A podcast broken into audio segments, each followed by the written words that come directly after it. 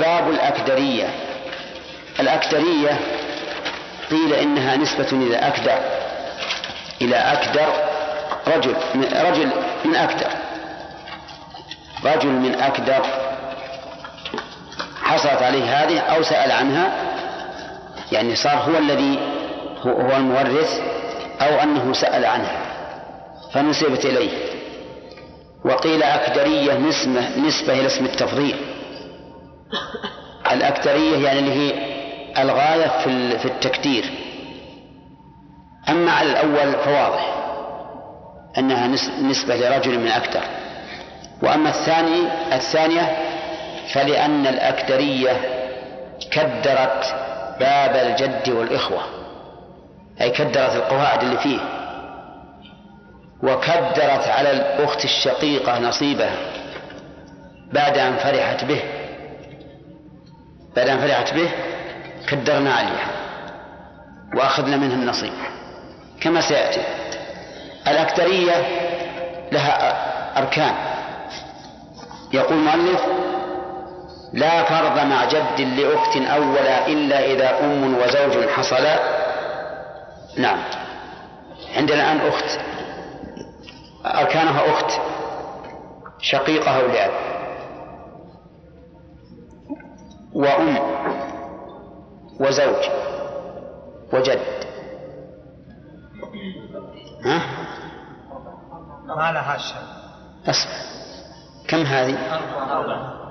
أربعة زوج وأم وجد وأخت شقيقة أو أخت لأب. أو أخت لأب.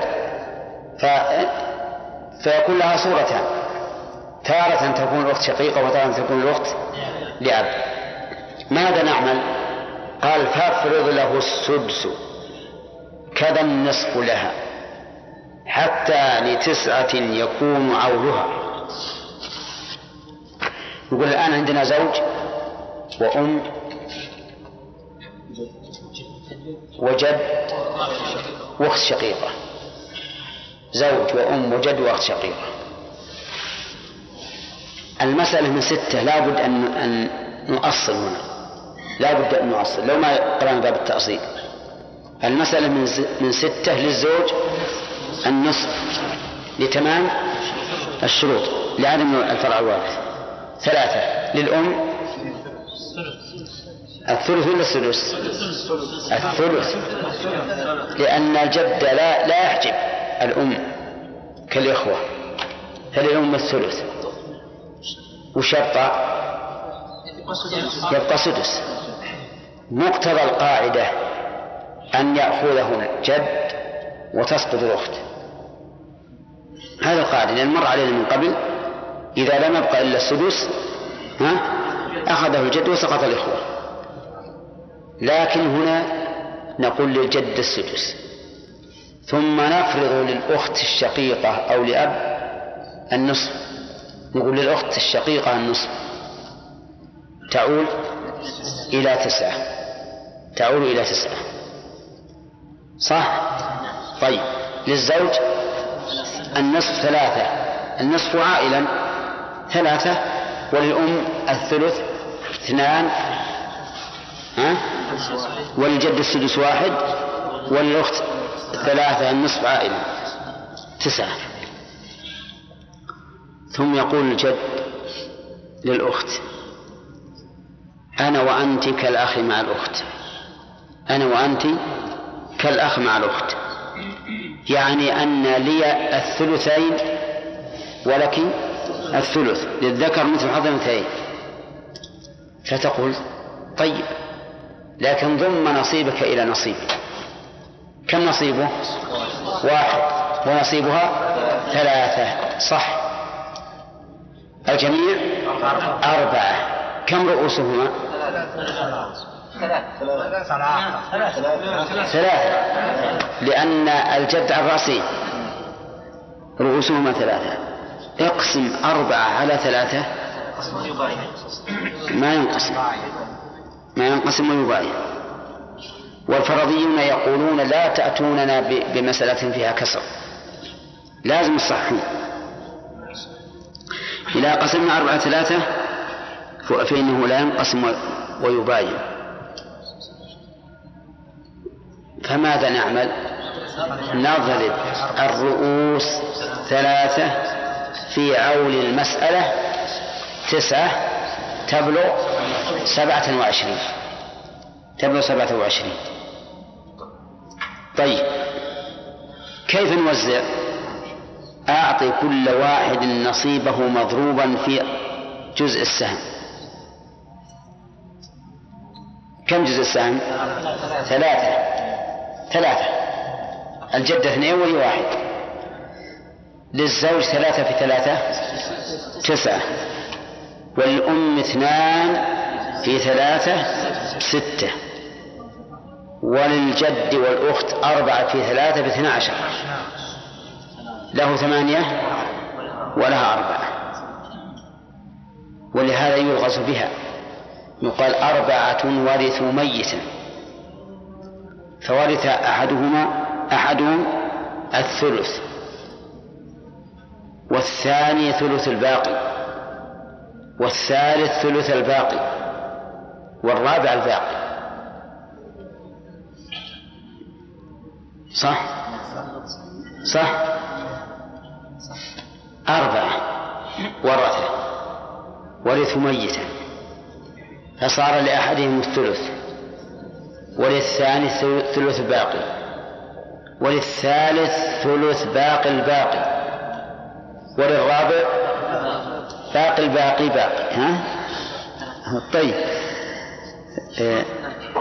ها؟ تفهم إن شاء الله. صحت من كم؟ من سبعة وعشرين. قلنا للزوج تسعة. تسعة بالنسبة لسبعة وعشرين. ثلث. كم بقي؟ باقي ثمانية عشر للأم ستة. الستة ثلاثة ثمانية عشر كم باقي كم بقي؟ اثنى عشر للجد ثمانية. للجد ثمانية. والأخت أربعة. إذا للأخت ثلث الباقي. ثلث اثنى عشر. والجد له الباقي. ثمانية. واضح يا خليل؟ لا إله إلا الله. ها؟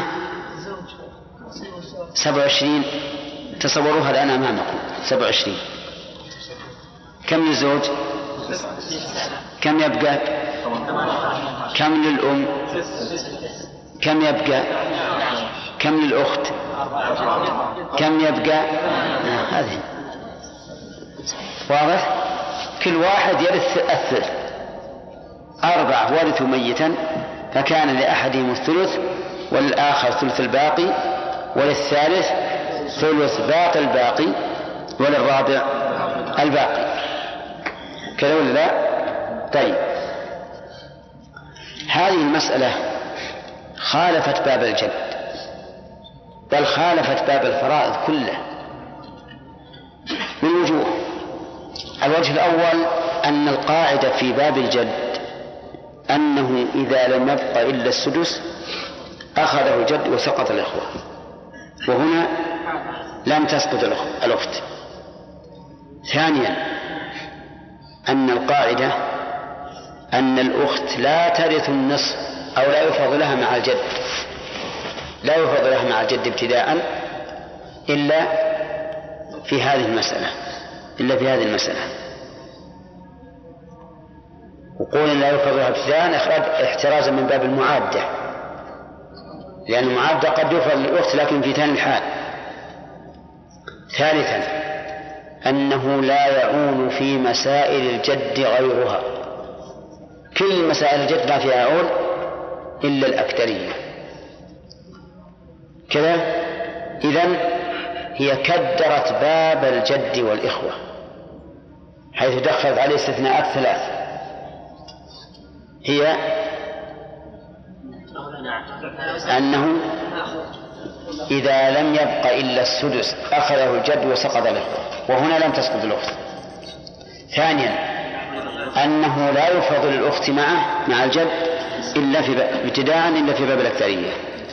ثالثا أنه لا يعود في مسائل الجد إلا الأكثرية. ثم هي أيضا كدرت مسائل الفرائض كلها كل باب الفرائض. كل باب الفرائض كدرته. كيف ذلك؟ لأنه اجتمع فيها فرض تحول إلى تعصيب. فرض تحول إلى تعصيب. صح؟ من هي؟ الأخت يا أخي هي الجد. الأخت فرض لها النصف ثلاثة ثم عادت وجعلناها مع الجد ترث بالتعصيب. ترث بالتعصيب. وهذا لا يوجد له نظير في الفرائض أبدا. صاحب الفرض ذو فرض وصاحب التعصيب ذو تعصيب. أما أن يتحول من الفرض إلى التعصيب فهذا لا نظير له في الفرائض كلها. كل الفرائض. كما أنه لا دليل عليه من القرآن ولا من السنة. لأن القرآن والسنة قد دل على أن صاحب الفرض يفرض له وصاحب التعصيب يعصب وأما أن نقول أنت بالأول صاحب الفرض ثم نعود ونورثها مع الجد ميراث تعصيب فهذا لا نظير له. ولهذا نقول إن هذه الأكدرية كدرت باب باب الجد والإخوة وكدرت الفرائض كلها. نعم؟ وجعلتها الأخت هذه اللي كان بالأول بيحصل لها ثلاثة ملايين. ها؟ الآن ما يحصل له إلا أربعة من سبعة وعشرين. ولنفرض إن إن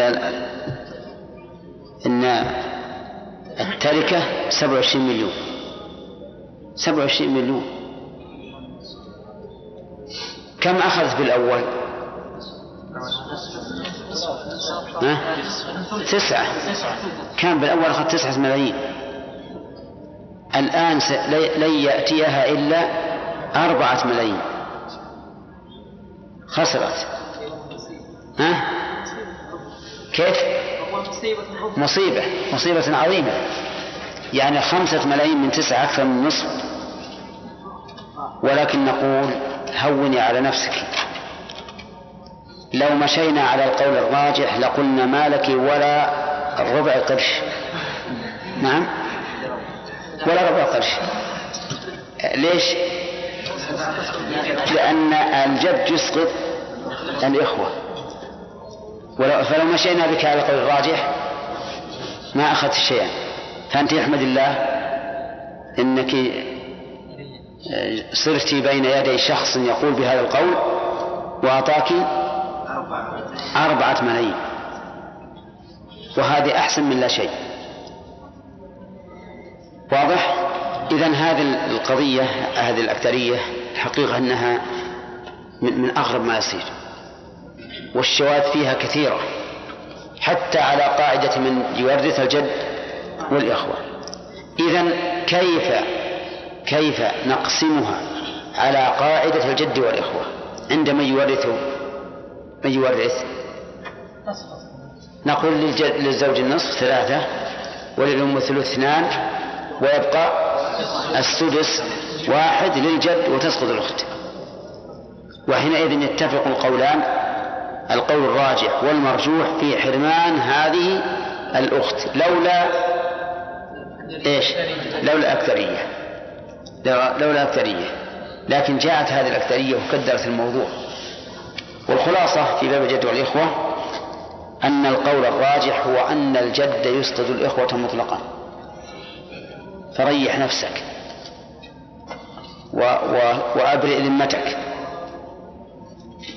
واحمد الله عز وجل على السلامة لأن هذه التفصيلات التي ذكروا رحمهم الله ليس لها أساس لا من كتاب الله ولا سنة رسوله صلى الله عليه وسلم ولا إجماع المسلمين. وكل ما ليس كذلك فإنه لا يجوز الأخذ به. بل قد نقول إن الكتاب والسنة والإجماع لولا الخلاف على خلاف ذلك. نعم؟ كما شرحناه آنفا. نعم. بسم الله الرحمن الرحيم. قال المؤلف رحمه الله تعالى باب الحساب وأصول المسائل والأول وللحساب ان ترمي محصلا فاستخرج السبع الأصول اولا. فإنها قسمان يا خليل ثلاثة منها فإنها فإنها. فإنها قسمان فإنها قسمان يا خليل قسمان من ضمن التثنية إلا أنت؟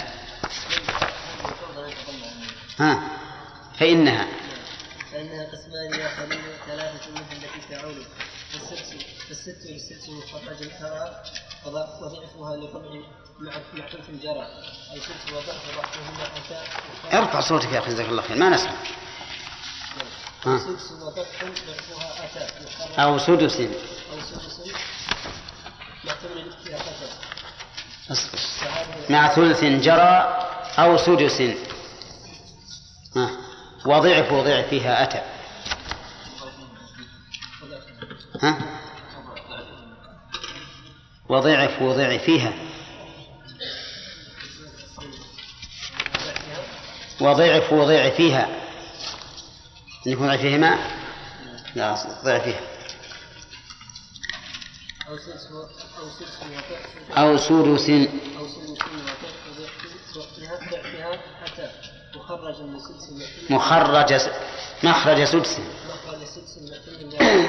مع ثمن يا فتى مع ثمن مع ثمن. يا فتى فهذه العون عليها يدخل إن كثرت يا رجل. بس. بسم الله الرحمن الرحيم. الحمد لله رب العالمين والصلاة والسلام على نبينا محمد وعلى آله وأصحابه أجمعين. قال رحمه الله تعالى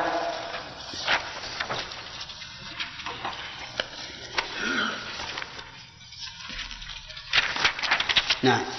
قال رحمه الله تعالى باب الحساب. وأصول المسائل والعون هذا الباب باب الحساب والمسائل والعول.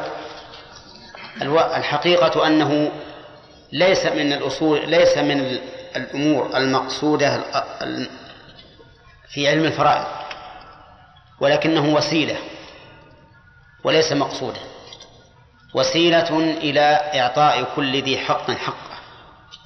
لأنك لا يمكن أن تعرف مخرج الفروض وتصحيح المسائل إلا إذا عرفت هذا الباب وما بعده. فهو في الحقيقة وسيلة لا غاية ولهذا لا نجده في كلام الصحابة رضي الله عنهم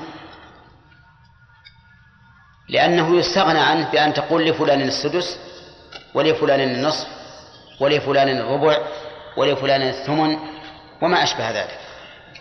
لكن لما كان قد لا يص- يصل الإنسان إلى معرفة هذه الفروض إلا بمعرفة الأصول. الحساب والأصول. اضطر علماء الفرائض إلى ذكر هذا الباب. ولهذا نقول يمكن أن يكون الإنسان ملما إلماما قويا في الفرائض من غير أن يعرف الحساب. أن يعرف الحساب. وأما أصول المسائل فيأتي إن شاء الله. الكلام عليها وأما العول فيأتي الكلام عليه أيضا. فالحساب يقول المؤلف إذا أردت أن تعرف له محصلا أي ما يكون به التحصيل فاستخرج السبع الأصول أولا. السبع الأصول يعني معناها أصول المسائل. اثنان وثلاثة وأربعة وستة وثمانية واثنا عشر وأربعة وعشرون. هذه سبعة. هذه هي الأصول. وهذه الأصول علمها الفرضيون بالتتبع لأن لأن الفرائض المقدرة في كتاب الله كل الفرائض التي مرت علينا مخارجها لا تعدو هذه الأصول السبعة. وأما أصل ثمانية عشر وستة وثلاثين فهي مبنية على الاجتهاد. مبنية على الاجتهاد لا على الأصول الموجودة في القرآن. فالفروض المقدرة في الكتاب لا تخرج أصول مسائلها عن هذه الأصول السبعة. عدها لنا عبد الحميد ها؟ الأصول السبعة التي تخرج منها الفرائض المقدرة في كتاب الله. اثنان. قبل. ثلاثة. لا. اثنان وثلاثة. وأربعة. لا. نعم. ستة. ثمانية. اثنا عشر أربعة وعشرون. هذه هي الأصول التي تخرج منها الفرائض المقدرة في كتاب الله. عرفتها يا اسمك؟ أحمد. آه ما هي. عدها إذا قلت ما هي معنى عدها ها اثنان وثلاثة نعم. وأربعة وستة وثمانية واثنى عشر وأربعة عشر. طيب. هذه أصول المسائل. يعني لا تجد مسألة تخرج آه، يكون لها أصول غير هذه الأصول السبعة. طيب. هذه الأصول السبعة تنقسم يقول المؤلف فإنها قسمان يا خليل ثلاثة منها, من منها التي تعول. ثلاثة خبر مقدم والتي تعول التي مبتدأ مؤخر. أي الذي التي تعول من هذه الأصول السبعة ثلاثة. والذي لا يعول أربعة. لأنك إذا عرفت أحد القسمين فضده الآخر. التي تعول هي الستة. الستة والاثنا عشر والأربعة والعشرون. هذه تعود. يعني الستة وضعفها وضعف ضعفها هي التي تعود. وما سواها؟ لا يعول. طيب عرفنا الآن؟ طيب التي تعول هي الستة والاثنا عشر والأربعة والعشرون. يعني الستة وضعفها وضعف ضعفها. قال المؤلف الستة تكون مخرجا للسدس نعم. تكون مخرجا للسدس فكل مسألة فيها سدس لا يمكن أن يكون مخرجها من أقل من ستة. أبدا. كل مسألة فيها سدس لا يمكن أن يكون مخرجها أقل من ستة. وإن كان وإن كان فيها فرض آخر سوى السدس فإن كان بينه وبين السدس تداخل اكتفي بمخرج الأكبر. وإن لم يكن تداخل نظر. نظر فيه. طيب مثلا النصف يتداخل مع الستة. ها؟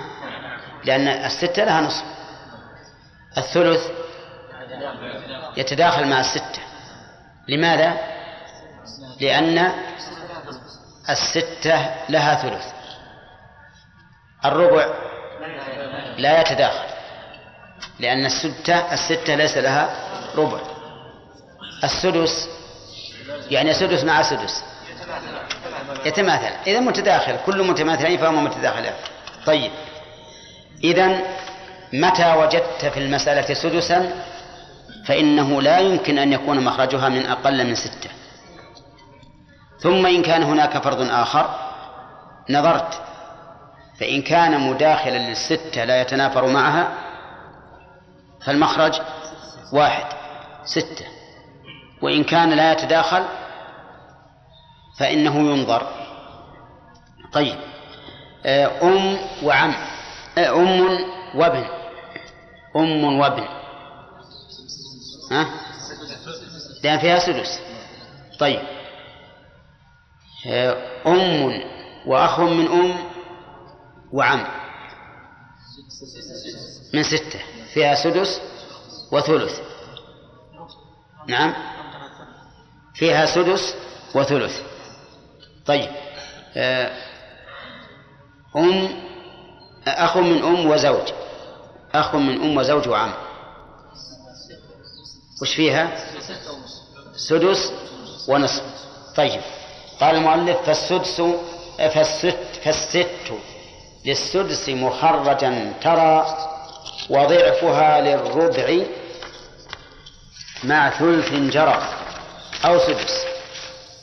ضعف الست ما هو؟ اثنا عشر. ضعف السدس اثنا عشر. يكون مخرجا لأمرين. قال المؤلف مخرجا للثلث للربع مع الثلث أو للربع مع السدس. للربع مع الثلث أو للربع مع السدس. للربع مع الثلث لأن أقل عدد يخرج منه هذان الفرضان اثنا عشر. صح ولا لا؟ كيف ذلك؟ لأن, الم... لأن الثلث مخرجه من ثلاثة والربع مخرجه مخرجه من أربعة وبينهما تباين. بينهما تباين لا يتفقان. فاضرب أحدهما في الآخر لي... لي... ليتأتى مخرجهما. ثلاثة في أربعة باثني عشر. لا يمكن أن يوجد عدد يشمل يتضمن ثلثا وربعا أقل من من اثني عشر أبدا. صح؟ طيب إذا قال قائل الثمانية فيها ثمن؟ ها؟ لكن ما ما يجي فيها ثلث. ستة فيها ثلث لكن لا يتأتى فيها الربع. إذن لا يمكن أن يتأتى أو لا يمكن أن يجتمع ثلث وربع في عدد أقل من اثني عشر. فلو هلك هالك عن زوجة وأم وعم زوجة وأم وعم لكانت المسألة من اثني عشر. لأن للزوجة الربع ثلاثة وللأم الثلث أربعة ويبقى خمسة للعم. تمام؟ طيب.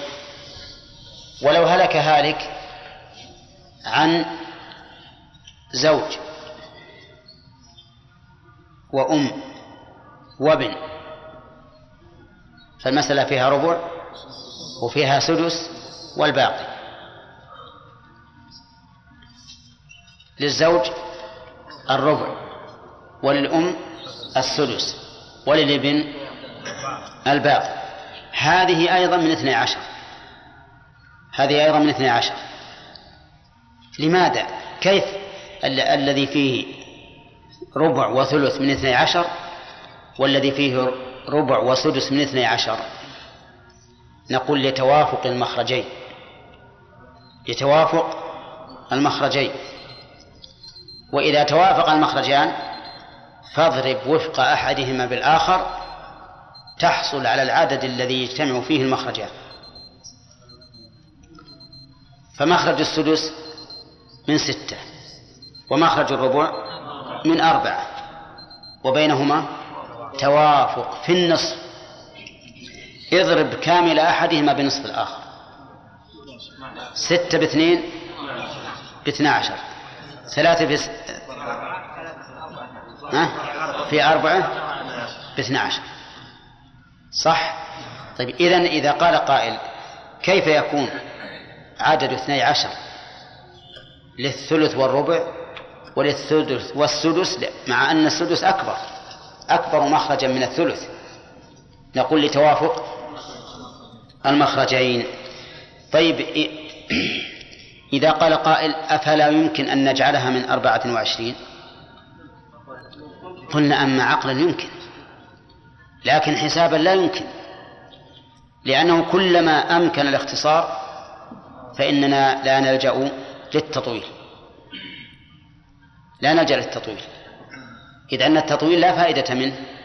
فما دمنا نجد مخرجا للثلث والسدس أقل من أربعة وعشرين من أربعة وعشرين.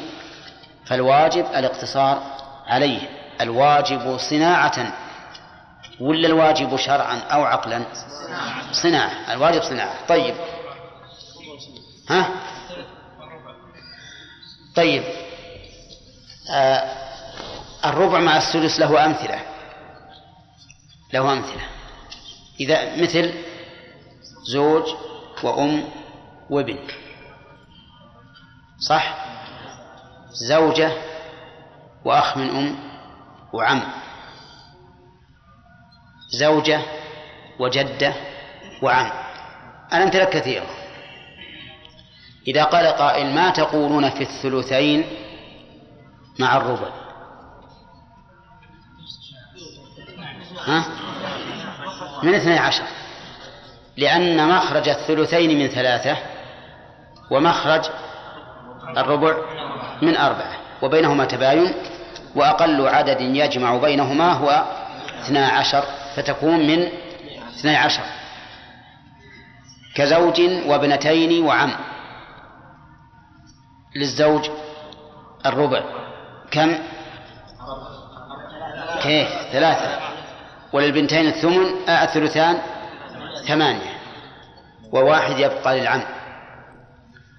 إذن نقول كلما وجدنا مسألة فيها ثلث وربع ها؟ فمن اثنى عشر. فيها ثلثان وربع من اثنى عشر. فيها سدس وربع من اثنى عشر. فيها ربع وربع من أربعة؟ ما يجتمع ربع وربع؟ ما يمكن. لا يمكن يجتمع ربع وربع. صح؟ طيب. ثلث ثمن.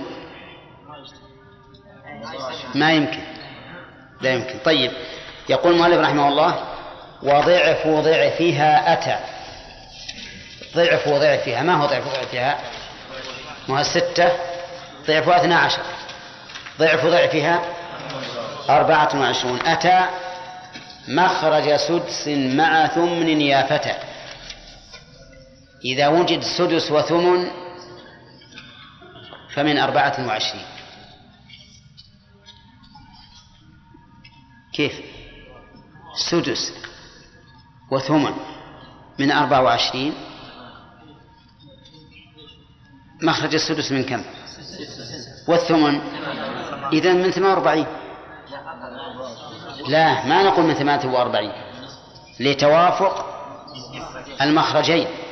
لتوافق المخرجين. فالسدس له نصف والثمن له نصف. إذن حول أحدهما إلى نصفه واضربه بكامل الآخر.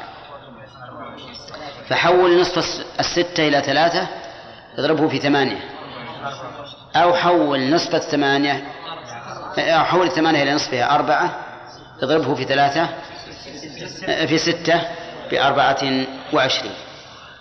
القاعدة إذا كل مسألة فيها سدس وثمن فمن أربعة وعشرين.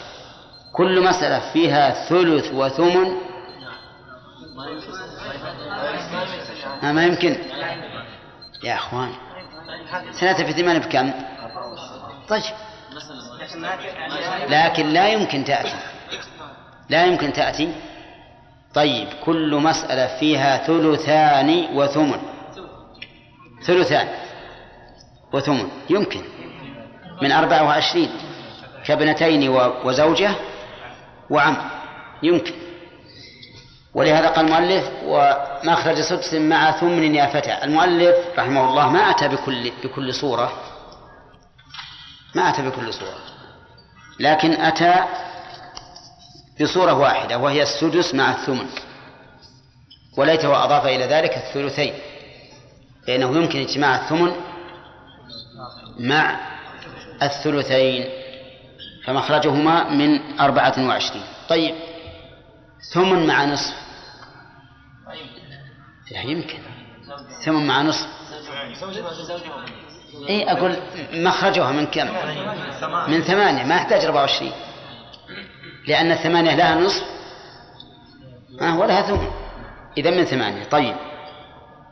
يقول فهذه العول عليها يدخل إن كثرت فروضها يا رجل. نقف على هذا.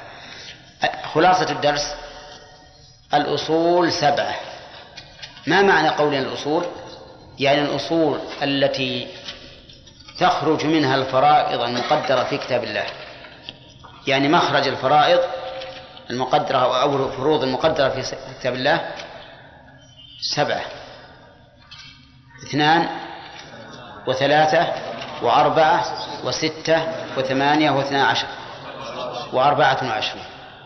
هذه الأصول تنقسم إلى قسمين قسم يعول وهو ثلاثة وقسم لا يعول وهو أربعة.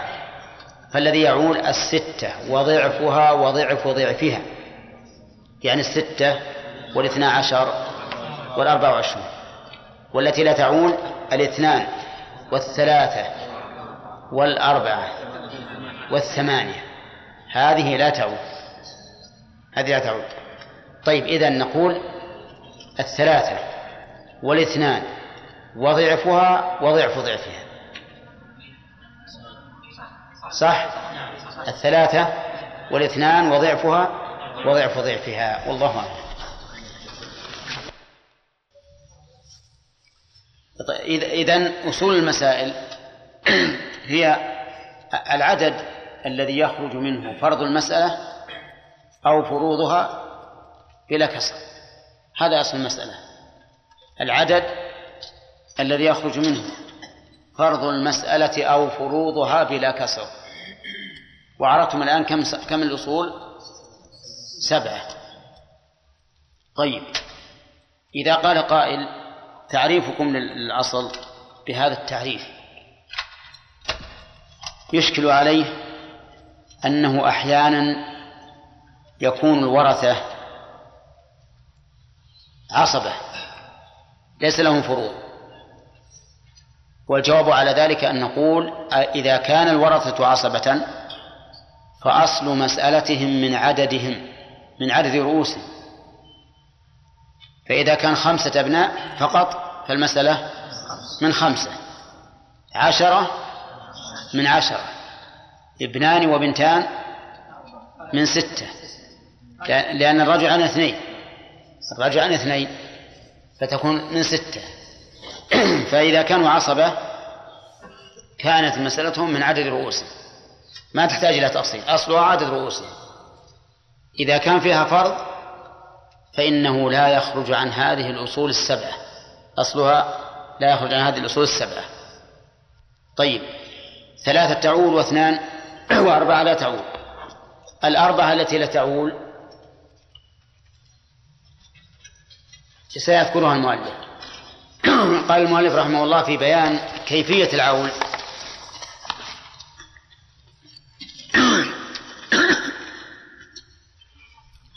ونحن نبدأ الآن بتعريف العول العول من عال يعول إذا زاد. إذا زاد وجار. وهو في الاصطلاح زيادة السهام عن المسألة.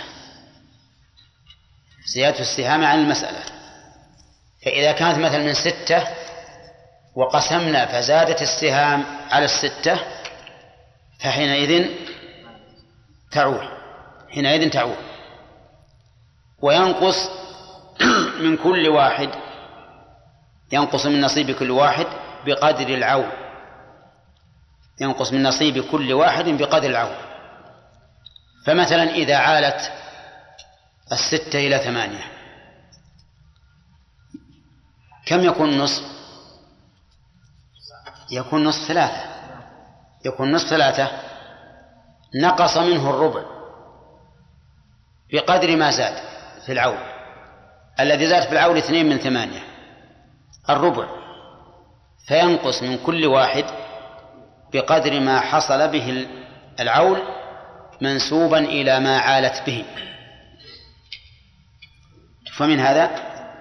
طيب. العول إذن هو زيادة في السهام.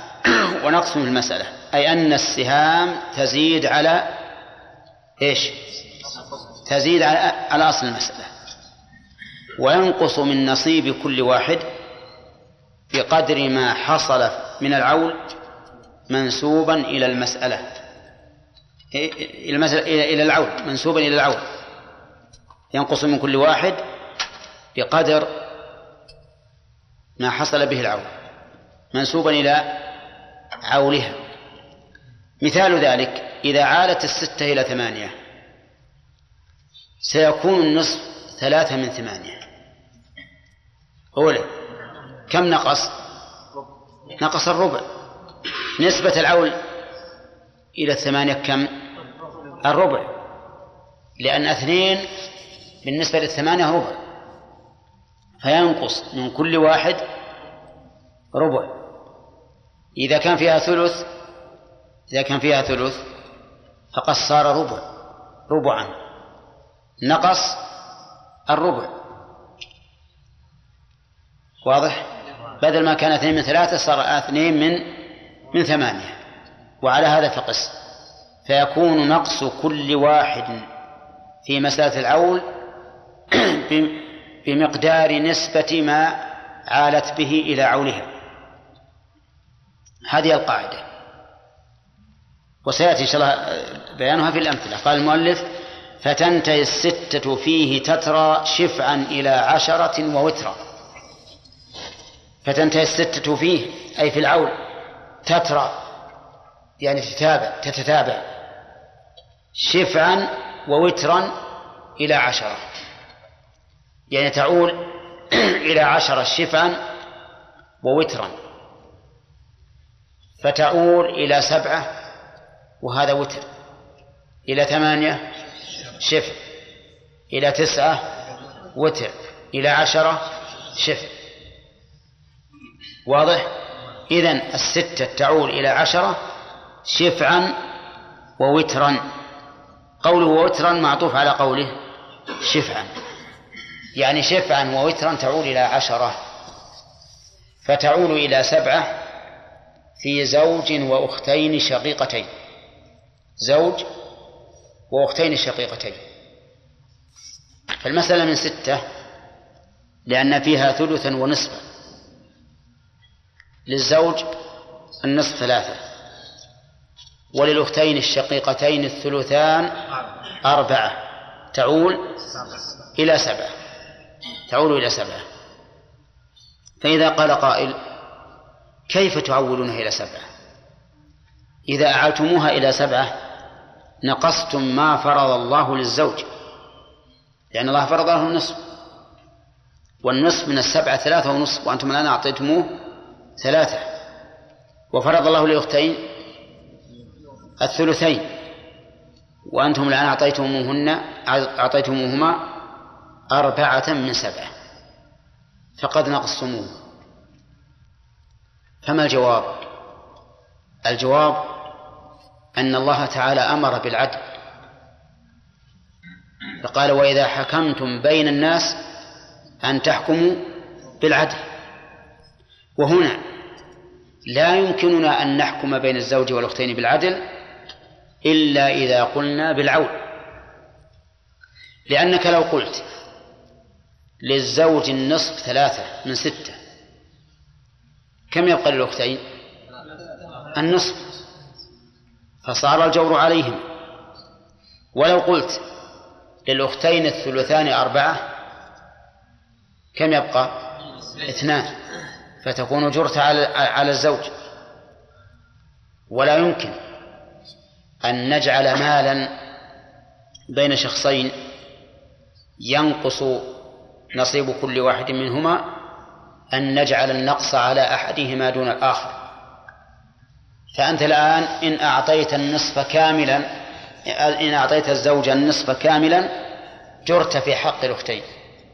وإن أعطيت الأختين ها جرت في حق من؟ في حق الزوج.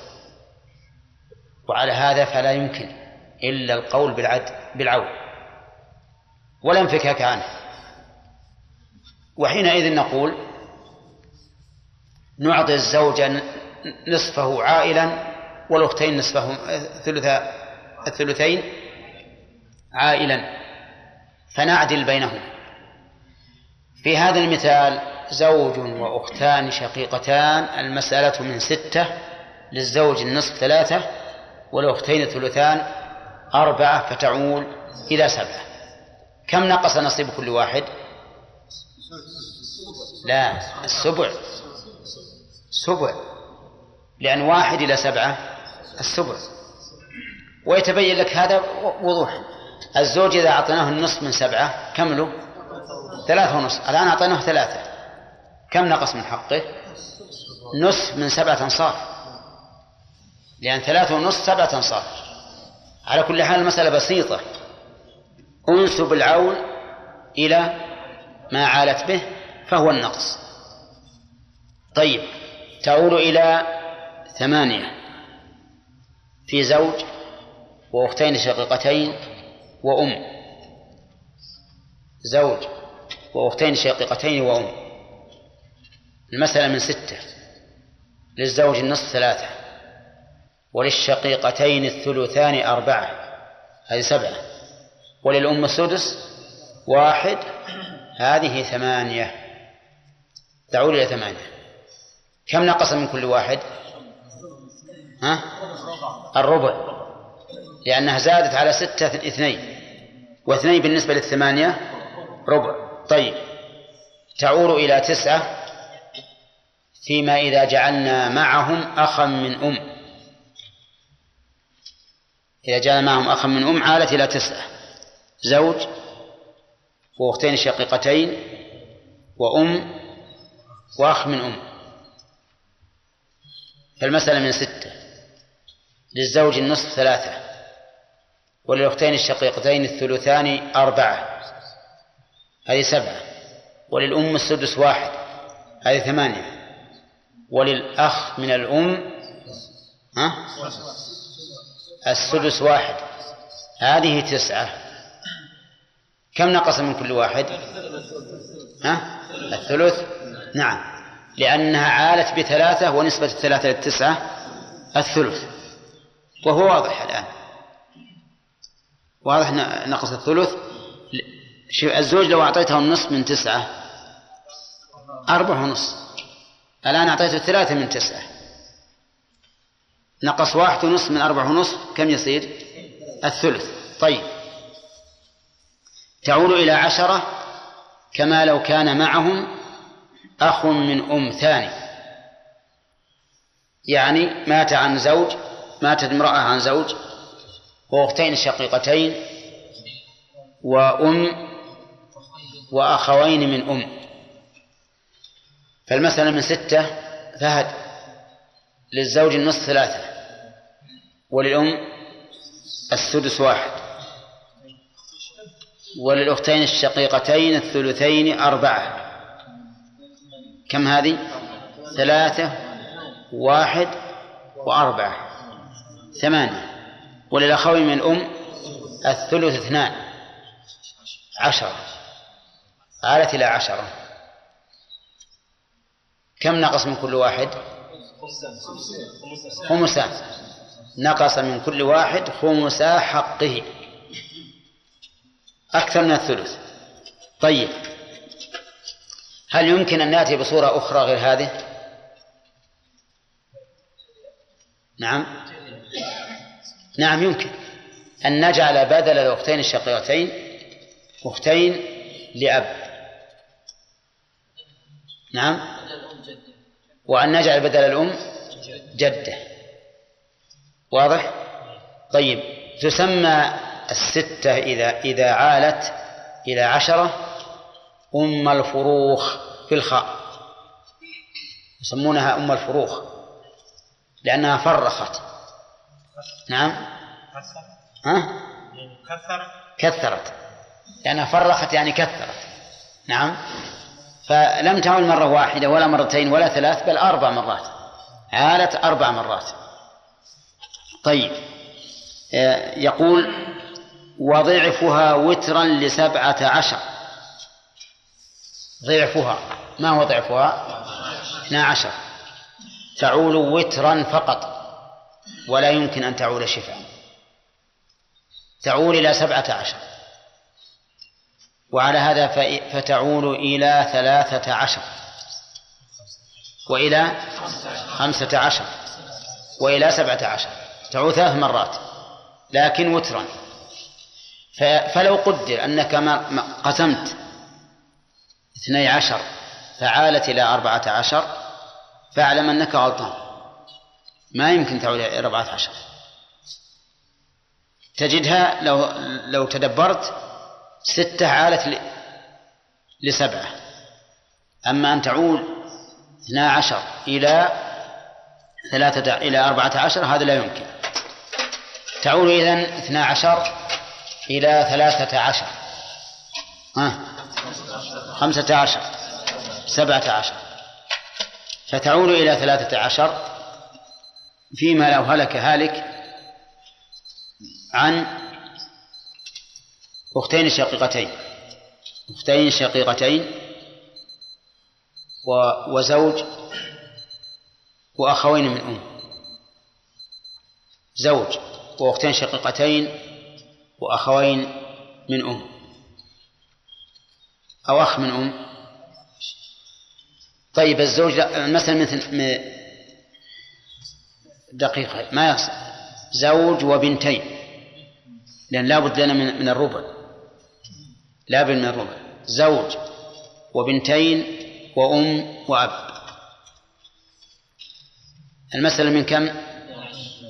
من اثنى عشر. للزوج النصف آه، الربع ثلاثة.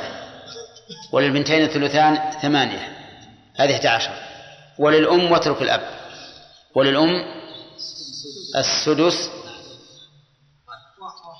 اثنان. اثنان. تعول إلى ثلاثة عشر. تعول إلى ثلاثة عشر. نعيد المثال مرة ثانية. هلكت امرأة عن زوج. وبنتين وأم. كم هذه؟ من اثنى عشر. الزوج له الربع ثلاثة والبنتان لهما الثلثان ثمانية. هذه كم؟ والأم لها السدس اثنان. هذه ثلاثة عشر. تعود إلى ثلاثة عشر. كم نقص من كل واحد؟ واحد من ثلاثة عشر. واحد من ثلاثة عشر. طيب. وتعود إلى خمسة عشر فيما لو أضفنا في هذا المثال الأب. فنقول للزوج الربع ثلاثة وللبنتين الثلثان ثمانية وللأم السدس اثنان وللأب السدس اثنان. هذه خمسة عشر. وتعود إلى سبعة عشر. نعم. إيش؟ ما ما طلب منك المثال. تعود إلى سبعة عشر. فيما لو هلك هالك عن ثمان أخوات شقيقات وأربع أخوات لأم وثلاث زوج وثلاث زوجات. وجدتان.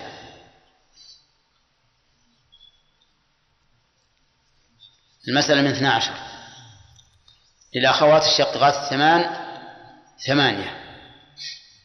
وللأخوات الأم الأربع الثلث. كم؟ أربعة. هذه اثنتا عشر. وللجدتين السدس اثنان. كم هذه؟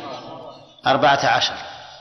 وللزوجات الثلاث الربع ثلاثة هذه سبعة عشر. سبعة عشر. في هذا المثال كلهن إناث. ويسميها الفرضيون أم الفروج بالجيم. لأن كل الوارثات فيها ذوات فرج. فلهذا يسمونها أم الفروج. والحاصل أن الإحدى عشر أن الاثني عشر تعود إلى سبعة عشر وترا لا شفعا وترا لا شفعا تعود إلى ثلاثة عشر مثل زوج وأختين شقيقتين وأم. نعم وبنتين وأم. للزوج الربع ثلاثة. وللبنتين الثلثان ثمانية وللأم السدس اثنان هذه ثلاثة عشر. وتعول إلى خمسة عشر فيما إذا كان معهم أب. فللزوج الربع ثلاثة وللبنتين الثلثان ثمانية وللأم السدس اثنان وللأب السدس اثنان. هذه كم؟ خمسة عشر. وإلى سبعة عشر في ثمان أخوات شقيقات وأربع أخوات لأم وجدتين وثلاث زوجات. فللأخوات الشقيقات الثلثان ثمانية وللأخوات الأم الثلث أربعة وللجدتين السدس اثنان وللزوجات الربع ثلاثة كم؟ سبعة عشر. كم نقص من كل واحد؟ ها؟ خمسة من من سبعة عشر. نقص كل واحد خمسة من سبعة عشر. طيب. هذه الاثنى عشر. قال المؤلف وضعف ضعفها بثمنه انتشر. ما ضعف ضعف الستة؟ أربعة وعشرون. بثمنه انتشر. يعني وأظن فيها نسخة. بثمنه اشتهر. وانتشر يعني انتشر بين الناس واشتهر يعني اشتهر بينهم. يعني أن الأربعة والعشرين اشتهرت بأنها لا تعول إلا مرة واحدة بالثمن. إلى كم؟ إلى سبعة وعشرين. إلى سبعة وعشرين. مثاله هلك هالك عن ابنتين وأم وأب وزوجة. ابنتين وأم وأب وزوجة. المسألة من أربعة وعشرين. للبنتين الثلثان. ها؟ ستة عشر. وللأم السدس أربعة. وللأب السدس أربعة.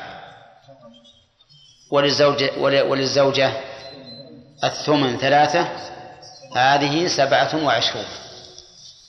إذا لا تعول إلا مرة واحدة. شفعا ولا وترا؟ وترا. وترا. سبعة وعشرين وتر ما هي شف تعول مرة واحدة وترا. ولهذا تسمى البخيلة. البخيلة. إذا عالت 24 إلى 27 تسمى البخيلة. ليش؟ لأنها ما عالت إلا مرة واحدة ووتر وترا فقط. نعم. ونحن نقول هي بخيلة كريمة. لأن كرم الستة التي تعول إلى عشرة ها؟ ينقص. ينقص الورثة. لكن هذه بخيلة كريمة. لا تعول إلا مرة واحدة إلى إلى سبعة وعشرين. إذن هذه هي الأصول الثلاثة التي تعول. أعمها في العول الستة ثم الاثنى عشر ثم الأربعة وعشرون. نعم. ها؟ كيف انتهى؟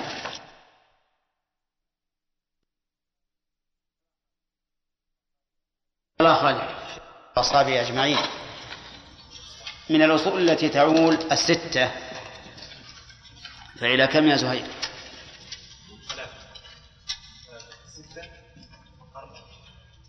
شو ها؟ هذا السؤال من الأصول التي تعول أصل ستة فإلى كم تعود؟ إلى عشرة إلى أشفاعا أو أوتارا؟ أشفاعا وأوتارا. طيب اذكرها عائلة لثمانية أو مثل لها عائلة إلى ثمانية. عائلة إلى ثمانية نعم. مثلها يعني ها؟ مثال إي نعم. زوج.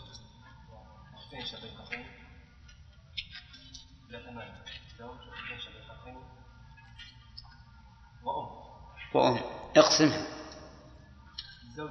المسألة من كم؟ من ستة.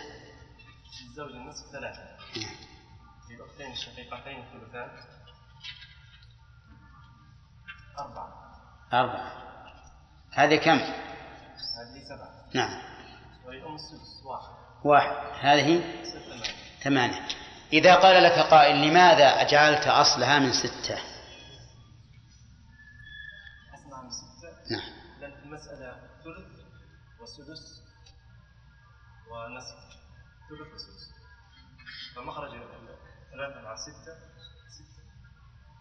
والنصف مع الستة ستة أيضا. لأن المخارج تداخلت. فاكتفي بالأكبر. حطوا بالكم يا جماعة.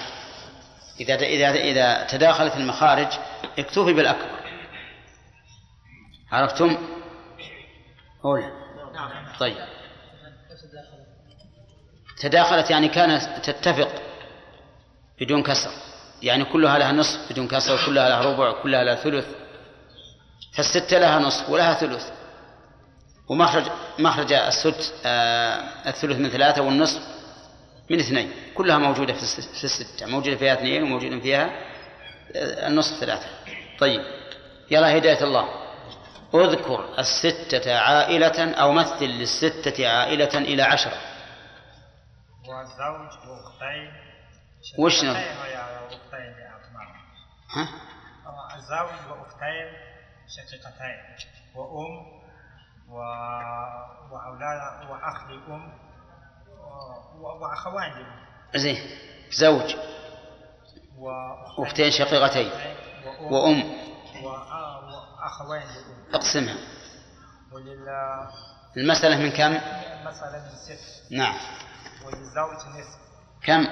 اثنين ثلاث نعم. وللأختين الشقيقتين ثلثان أربعة. هذا سبعة. وللأم سدس واحد. هذا ثمان. وللأخوين شقيق أخوين لأم هو اثنين. يعني سدس. الثلث. اثنين. هذه. هذه عشرة. إذا عالت الستة إلى عشرة فلها لقب معروف عند عند الفرضيين. إيه نعم. ما هو؟ و يعني هذا مفرخ مكسر لا لا. فرخة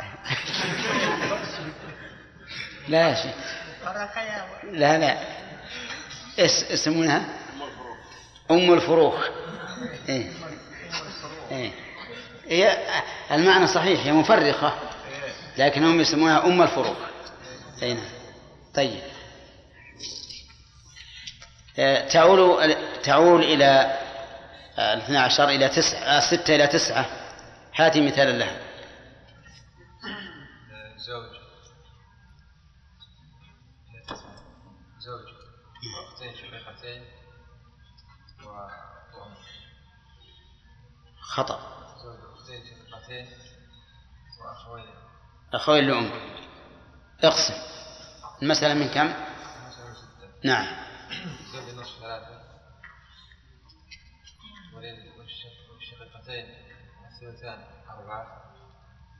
هذه سبعة.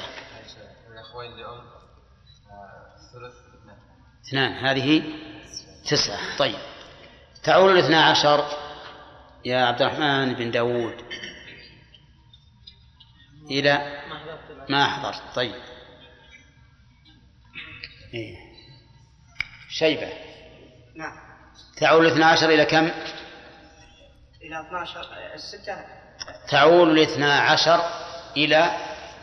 إلى آه، 17 ابدأ من الأول. على طول إلى 17 لا. ها. تعول آه، 12 إلى آه، 13 وش بعد؟ و15 و17 ولا تعول إلى إلى 14 لا لا تعول إلا أوتارا أوتار. هاتي مثالا لها عائلة إلى ثلاثة عشر. هلك هالك عن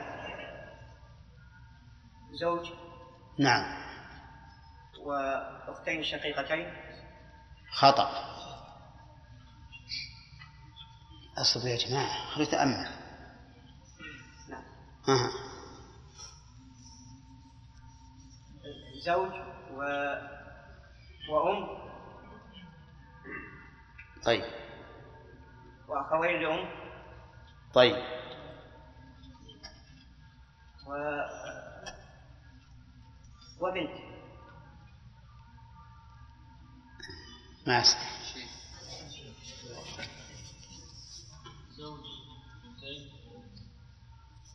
زوج بنتين وأم. اقسم.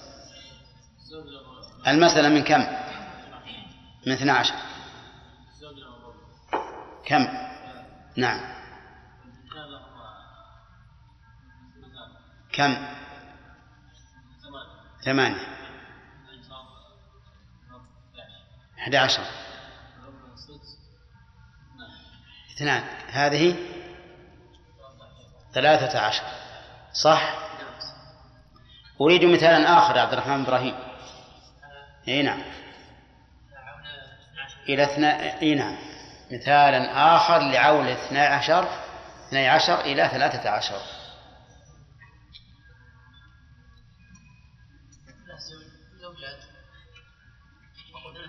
طيب. وثلاث أخوات لغير أم. وجدتين.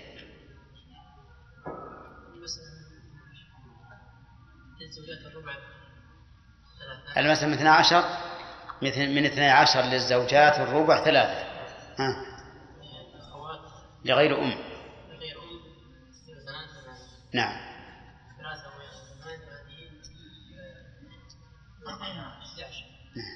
ولجدتين سدس اثنان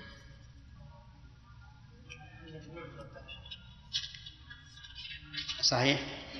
ها؟ طيب. نريد اثني عشر عائلة إلى خمسة عشر. يلا ناصر. زوج بنتان وأم وأب. زوج وابنتان وأم وأب. اقسم. من اثني عشر. الزوج له الربع أربعة والبنتان له الزوج له الربع أربعة؟ ثلاثة. ها. الزوج له ربع ثلاثة. إي نعم. كيف؟ الربع ثلاثة. له الربع أربعة له الربع أربعة. له أربعة. الزوج له الربع من اثني عشر ثلاثة. والبنتان اصبر. لا لا لا تهرب حتى ننتهي من هذا. كم من ربع؟ ثلاثة من اثني عشر. طيب. صحيح؟ طيب. ها. والبنتان لهما الثلثان طيب. هذه 11 نعم. والأم لها السدس اثنان 13 نعم. والأب له السدس اثنان 15 صح؟ طيب نريد مثالا آخر. زوجة وأخوين لأم وأختين شقيقتين و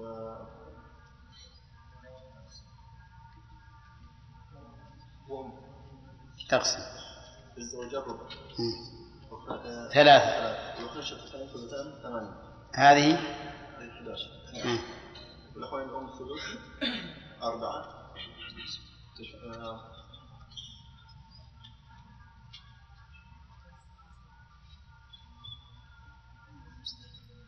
إيه أربعة خمسة عشر. والأم سدس اثنين سبعة عشر. إحنا ب 15 من غير أم. ها؟ نحذف الأم. فتعول إلى خمسة عشر. طيب يلا عيد. تعول اثنا عشر إلى سبعة عشر. مثل غير المثال اللي جابه خالد. عطنا أم الفروج. ثمان أخوات نعم. وأربع أخوات لأم نعم. وثلاث زوجات. نعم. جدتان جدتان اقسم. آه، ثمان أخوات ثمانية. كيف؟ ثمان شقيقات أي نعم. آه، لهن ثلثان ثمانية. لهن ثلثان ثمانية صح. والأربع أخوات لأم لهن ثلث. كم؟ نعم الثلث اثنان. طيب. هذه عشرة. أي أنا فاهم. خليه يمشي.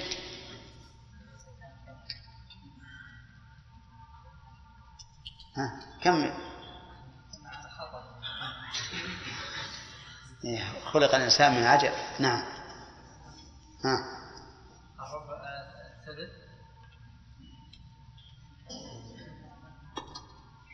أربع أخوات لأم لهن الثلث. أربع أخوات آه، ها. كم؟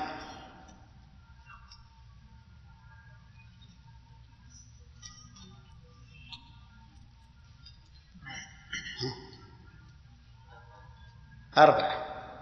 مو بثلاث- مو باثنى عشر أربعة. اثني عشر أربعة. نعم. وثلاث زوجات لهن الربع. كم؟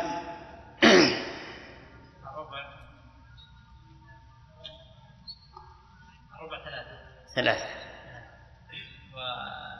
وجدتان السدس نعم كم هذا سبعة عشر. سبعة عشر صح.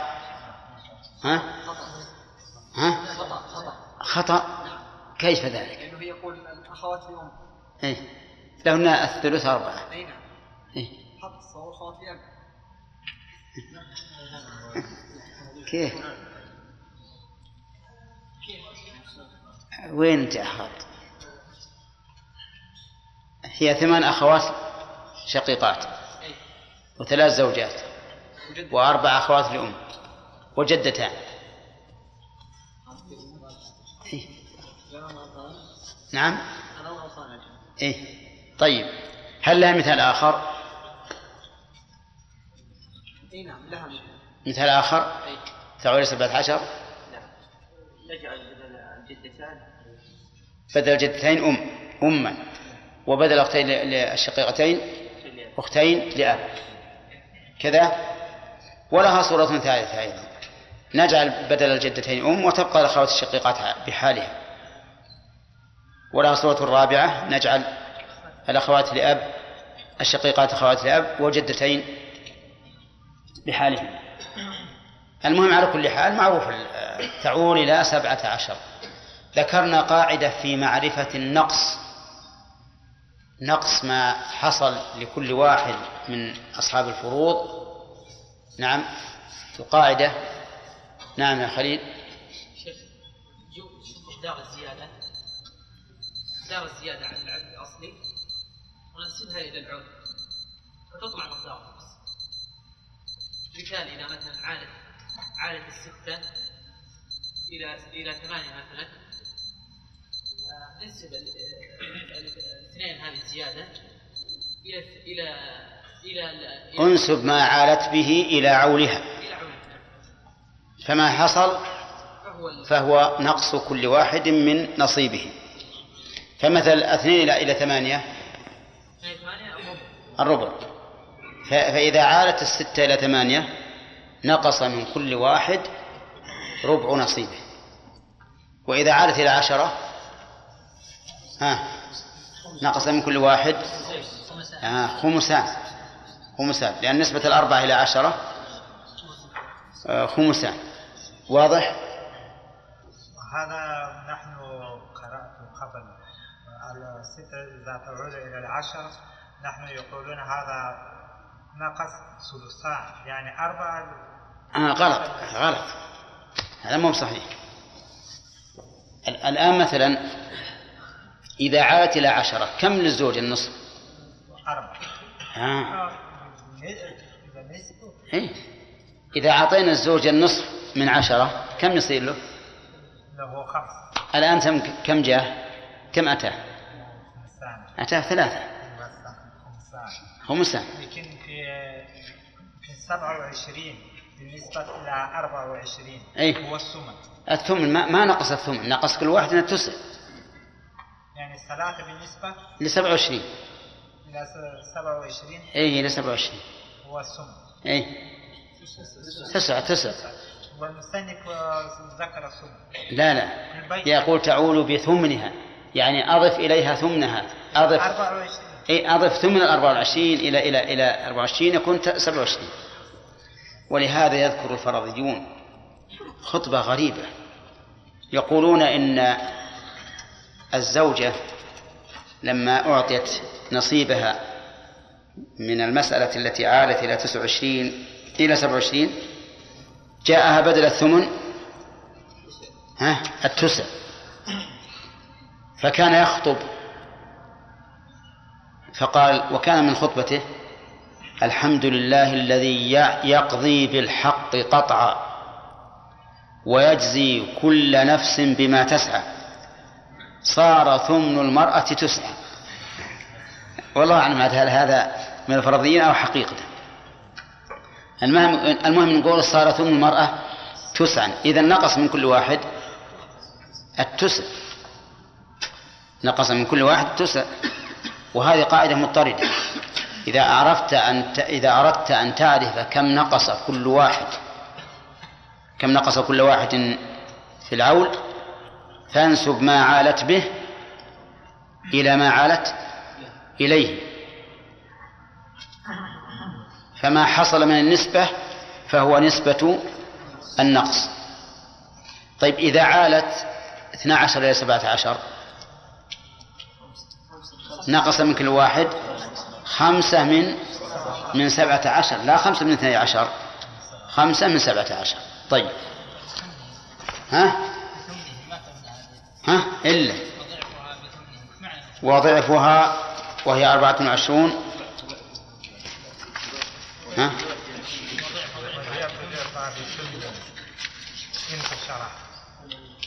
طيب. بثمنه انتشر. وضعف وضعفها ما هو ضعف وضعفها؟ أربعة وعشرين. بثمنه انتشر. ثمن أربعة وعشرين كم؟ ثلاثة. انتشر يعني معناه زاد. على أربعة وعشرين ثلاثة. وإذا زدت على أربعة وعشرين ثلاثة صارت سبعة وعشرين. فتعول الأربع والعشرون إلى سبعة وعشرين. مرة واحدة. ولهذا تسمى عند النحوي عند الفرضيين بالبخيلة. نعم. أظن ما يمدينا ناخذ درس جديد. ها؟ كم؟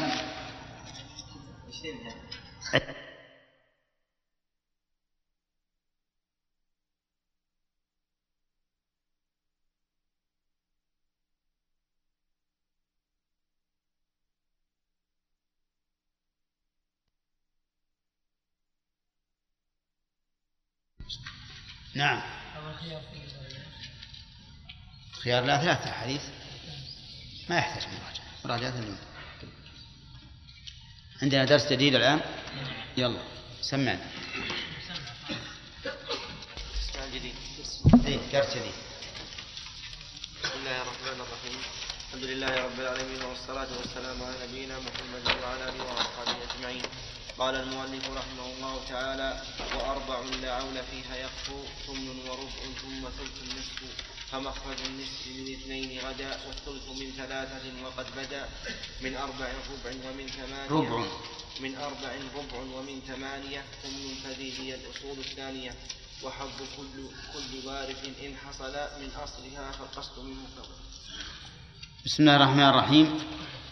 الحمد لله رب العالمين والصلاة والسلام على نبينا محمد وعلى آله وأصحابه أجمعين. سبق لنا أن الأصول التي تعول ثلاثة. ستة. وضعفها. وضعف ضعفها. وأن الستة تعول إلى عشرة شفعا ووترا. وأن ضعفها يعول إلى سبعة عشر وترا. وأن ضعف ضعفها يعول إلى سبعة وعشرين مرة واحدة. ثم هذه الأصول الثلاثة. منها ما لا يكون إلا ناقصا أو عائلا. ومنها ما يكون ناقصا وعادلا وعائلا.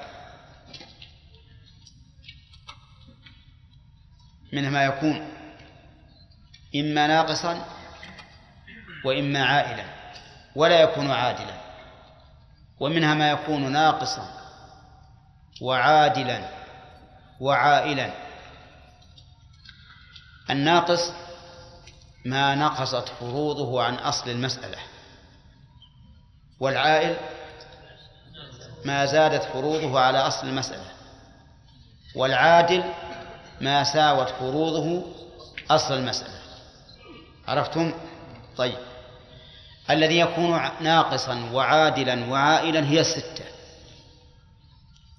والذي يكون إما ناقصا أو عائلا هي ضعفها وضعف ضعفها. يعني أصل 12 وأصل أربعة وعشرين لا يكون إلا عادلا إلا عائلا أو ناقصا. مثال الستة العادلة أختان شقيقتان وأختان من أم. صح؟ هذه ستة عادلة؟ خطأ. آه. إذا من كم؟ من ثلاثة. ما تكون من ستة. كذا. بنت وبن أخت شقيقة وأخت لأب وأختان من أم. أخت شقيقة وأخت لأب وأختان من أم. صحيح. هذه عادلة. أن البنت لها النصف ثلاثة. الأخت لها الشقيقة لها النصف ثلاثة. والأخت لأب لها سدس واحد. والأختان من الأم لهما الثلث اثنان. هذه عادلة. ناقصة بنتان وأم وعم. بنتان وأم وعم. للبنتين الثلثان. وللأم السدس واحد والباقي للعم. هذه عادلة ولا ناقصة؟ ناقصة. أما العائلة فأختان شقيقتان وأختان من أم وأم. أختان شقيقتان لهما الثلثان. أختان شقيقتان وش؟ جرادة جرادة الله يعافيك. وين ما تخليها؟ أختان شقيقتان وأختان من أم وأم. هذه عائلة إلى سبعة. لأن الأختين الشقيقتين الثلثين أربعة. وللأختين للأم الثلث اثنان. ولل- وللأم السدس واحد. طيب. اثنا عشر لا تكون إلا ناقصة أو عائلة. تكون ناقصة في زوجة رحمك الله وأختين شقيقتين وعم. زوجة وأختين شقيقتين وعم. المسألة من كم؟ من اثني عشر. للزوجة الربع ثلاثة وللشقيقتين الثلثان ثمانية. كم هذه؟ والباقي؟ واحد للعم. وتكون عائلة في زوجة وأختين شقيقتين وأم. للزوجة الربع ثلاثة وللشقيقتين الثلثان ثمانية هذه 11 وللأم السدس اثنان عالة إلى 13 يعني لا تكون عادلة إطلاقا. وكذلك نقول في في, في الأربع في الأربعة والعشرين. طيب. نرجع الآن أو نبدأ الآن بالأربع بالأربعة الأصول التي لا تعود. وهي أحمد. الثلاثة. آه. الثمانية. نعم. والاثنان. والأربعة. هذه لا تعود. فمثلا يقول المؤلف وأربع لا عول فيها يقفو. ثمن. وربع ثم ثلث نصف ما شاء الله. جمع هذا بيت واحد. يعني أربع ليس فيها عول يتبع. أي لا يتبعها عول يعني لا يكون فيها عول وهي النصف والربع والثلث. إيش بعد؟ والثمن. هذه لا يمكن أن يكون فيها عول فمخرج النصف من كم؟ من ثمانية والربع من أربعة والثلث من ثلاثة والنصف من اثنين من اثنين. ولهذا قال فمخرج النصف من اثنين غدا. فأصل اثنين لا لا يعود. ومتى تكون المسألة أصلها من اثنين؟ إذا كان فيها نصف أو نصفان. نصف أو نصفان فأصلها من اثنين. نصف كزوج وعم. للزوج النصف وللعم الباقي. نصفان كزوج وأخت شقيقة. للزوج النصف واحد وللأخت الشقيقة النصف واحد. صح؟ طيب. وتكون عادلة وناقصة. تكون عادلة وناقصة. صح؟ ها؟ المهم صحيح ولا لا؟ طيب. وعائلة. لا. لا تعود. زين طيب. قال والثلث من ثلاثة. الثلث من ثلاثة. سواء كان ثلثا أو ثلثين أو ثلثا وثلثين. صح؟ طيب. ثلثا كأم وعم المسألة شاكر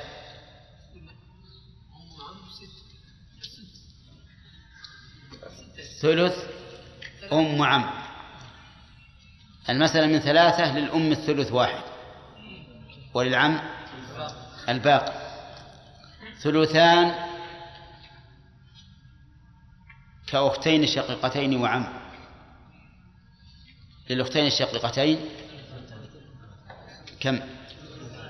الثلثان. وللعم الباقي. ثلثان وثلث كأختين شقيقتين وأختين من أم. للأختين الشقيقتين الثلثان اثنان وللأختين الأم الثلث واحد. إذن الثلث من ثلاثة والثلثان من ثلاثة والثلث الثلثان من ثلاثة. طيب. وتكون ناقصة وعادلة ها؟ وعائلة. لا. تكون ناقصة وعادلة. طيب. و وقد بدا من أربع ربع.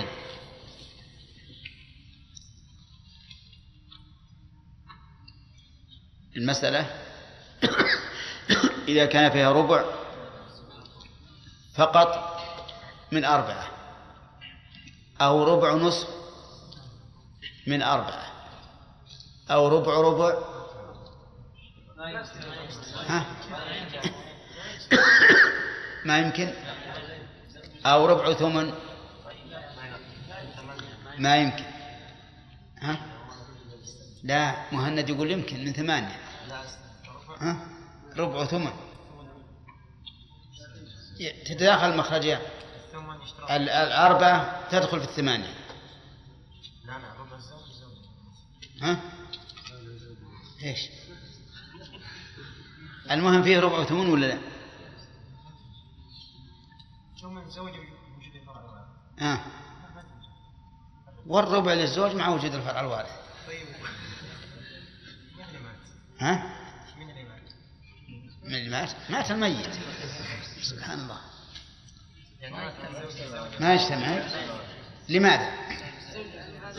لأن الربع لأحد الزوجين والثمن لأحد الزوجين ولا يجتمع زوجان يموتان. كيف ذلك؟ حتى في الغرقى والهدم ما يمكن. طيب على كل حال نقول الر- الربع وحده من أربعة. والربع مع النصف من أربعة.